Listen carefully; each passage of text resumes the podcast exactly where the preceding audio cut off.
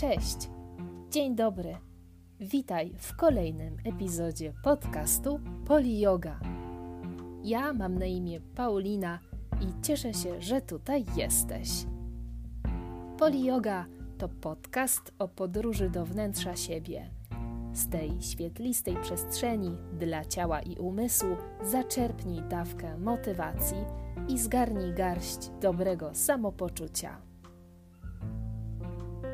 Jeśli chcesz otrzymywać powiadomienia o nowej audycji, zapraszam do zasubskrybowania kanału Poli Yoga.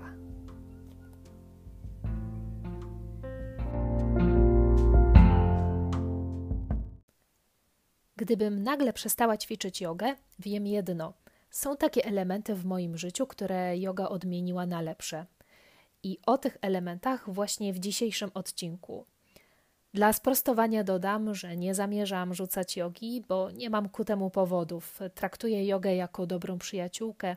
Mamy się ze sobą dobrze, mam nadzieję też ćwiczyć dokąd tylko zdrowie pozwoli. Nie chcę również tworzyć kolejnego posta o niezaprzeczalnych zaletach jogi. Bardziej chcę się podzielić własnym doświadczeniem, ponieważ już mam za sobą e, prawie dekadę z jogą, więc czuję się takim egzemplarzem, który może coś na ten temat powiedzieć więcej. W czym pomogła mi yoga? Przede wszystkim e, zrozumiałam, że czas jest moim sprzymierzeńcem. Otóż e, jedną z największych umiejętności, jakie wypracowałam na drodze praktyki, to cierpliwość. Z szaleńczo entuzjastycznej, niecierpliwej dziewczyny stałam się nadal entuzjastyczną, ale spokojnie dążącą do celu osobą. Bardzo długo uważałam, że czas jest moim wrogiem. Dziś wiem, że jest odwrotnie, jest moim sprzymierzeńcem.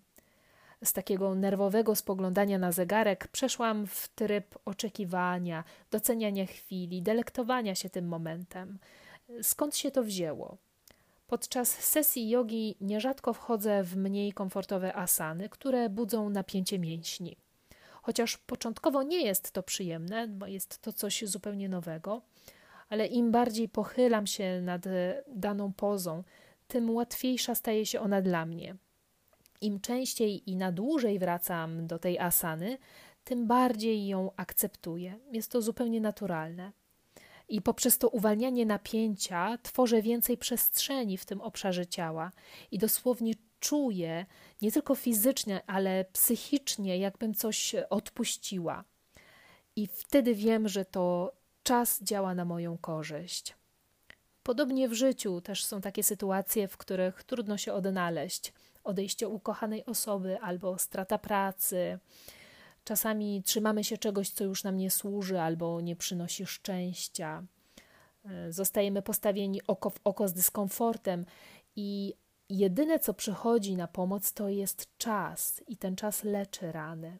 Kiedy pozwolimy, aby czas przylepił plaster jak lekarstwo, tam gdzie tego potrzebujemy, gdzie czujemy ból, otrzymamy ukojenie. Dzięki temu też e, więcej miłości i energii zaczerpniemy z innych aspektów naszego życia, bo będzie po prostu na nie miejsce. W czym pomogła mi też yoga? W odkrywaniu miłości do samej siebie. Pomogła mi zobaczyć, że jedynym życiem, nad którym mam bezpośrednią kontrolę, jest moje własne. Jestem jedyną osobą, z którą spędzam najwięcej czasu. Oczywiste. I jeśli nie jestem dla siebie miła i nie kocham siebie, tworzę bardzo złą relację wewnętrzną i wszystkie inne, które dotyczą mnie, również będą niedobre. Przed jogą trudno było mi akceptować siebie, przyznawać się do błędu albo przegrywać.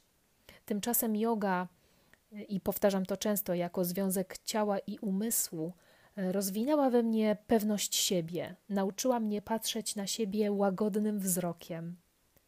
Yoga nie wymaga bycia doskonałym. To, czego wymaga, to obecność w pełni, ze wszystkimi niedoskonałościami. Na drodze praktyki rozwinęłam samoświadomość i zbudowałam siłę, a to powstało bez konkurencji, bez wyścigu, tylko poprzez samoakceptację. Dzisiaj staram się nie nakładać na moje ciało tyle psychicznych i fizycznych wymagań, albo karcić się za to, że nie jestem wystarczająco produktywna, lub za to, że nie udało mi się osiągnąć tego, czego chciałam. Nie katuję też siebie myślą, co mówią na mój temat inni. Przede wszystkim staram się zaimponować sobie. Staram się być dobrą dla siebie i słuchać siebie, by godnie i z radością rozpoczynać każdy dzień. Dbam o moje relacje, by były po prostu zdrowe. Kolejną rzeczą, w której pomogła mi yoga, to odkrywanie w sobie siły. Przyznaję, że wciąż spotykam wiele osób, które usprawiedliwiają się, mówiąc: Ach, nie jestem wystarczająco elastyczny, albo yoga, nigdy w życiu byłbym najgorszym e, uczniem w klasie, albo jestem za stara na jogę. Ponieważ e, ja lubię sport, oprócz jogi również biegam, e, nigdy nie korzystałam z wymówek przed jogą, ale to nie znaczy, że moja praktyka zawsze była lekka i giętka. Początki często bywają trudne, bo yoga wymaga od nas też ustawienia ciała w nie zawsze oczywistych rotacjach czy rozciągnięcia mięśni, o których pewnie dawno zapomnieliśmy. Po długim czasie dopiero zaczęłam podchodzić do zaawansowanych asan, to przyznaję. Stanie na głowie, szpagat, stanie na rękach, o których wcześniej nawet nie myślałam, że mi się uda. Po jakimś czasie stały się osiągalne. Dzisiaj oczywiście to nie jest tak, że zawsze, kiedy do nich podchodzę, e, udaje mi się w pełni je osiągnąć, ale za każdym razem, kiedy tak jest, uznaję to za mój prywatny sukces, ponieważ wiem, że wypracowałam elastyczność i siłę mięśni, które pozwalają mi wejść do tych pozycji spokojnie i niejednokrotnie bez wysiłku. Z własnego doświadczenia też e, szczególnie polecam jogę wszystkim biegaczom, wszystkim snowboardzistom czy pływakom, gdyż jest doskonałym uzupełnieniem tych treningów. Pozwala uspokoić ciało i oddech, rozluźnić mięśnie, odpocząć. Ja im dłużej praktykuję jogę, tym bardziej przekonuję się, jak ważny i dopełniający jest to element. I w tej audycji jeszcze pragnę wspomnieć o czwartej e, lekcji, którą dała mi yoga, w czym pomogła mi yoga to zaufanie intuicji. W przeszłości zdarzyło mi się działać wbrew przeczuciu, to przyznaję. Chociaż nieczęsto, bo jestem osobą, która podąża, definitywnie podąża za głosem swojego serca. Ale bywało, że zamiast słuchać siebie, robiłam to, co myślałam, że powinnam zrobić, bo tak uważają inni, tak doradzili mi inni, e, bo inni uważali, że to słuszny wybór. A im więcej czasu ćwiczyłam jogę, tym bardziej zaczęłam rozumieć, e, jak osiągnąć harmonię między tym, czego pragnę, a tym, co robię. W ostateczności yoga jest wsłuchiwaniem się w wewnętrzny głos, poszukiwaniem tego, co jest w nas naprawdę. Praktyka zbudowała we mnie zaufanie do intuicji. Moje ciało doskonale wie, czego potrzebuje, jeśli tylko je o to zapytam. I powtórzę to też do ciebie. Twoje ciało wie doskonale, czego potrzebujesz, jeśli tylko je o to zapytasz. Dzięki podążaniu za intuicją jestem szczęśliwa, albo staram się być tak często szczęśliwa, jak to tylko możliwe, ponieważ szczęście to też jest e, proces wielokrotny, krótkotrwały, ale wielokrotny. Dzięki podążaniu za intuicją jestem szczera wobec siebie, nie ma we mnie dysonansu między tym, co robię, a tym, co myślę.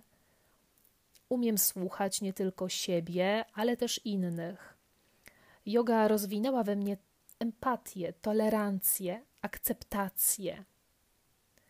Tą samą asanę każdego dnia odczuwam inaczej, ale pozwalam sobie na to, akceptuję to, bo moje ciało wie lepiej, jak i dokąd iść.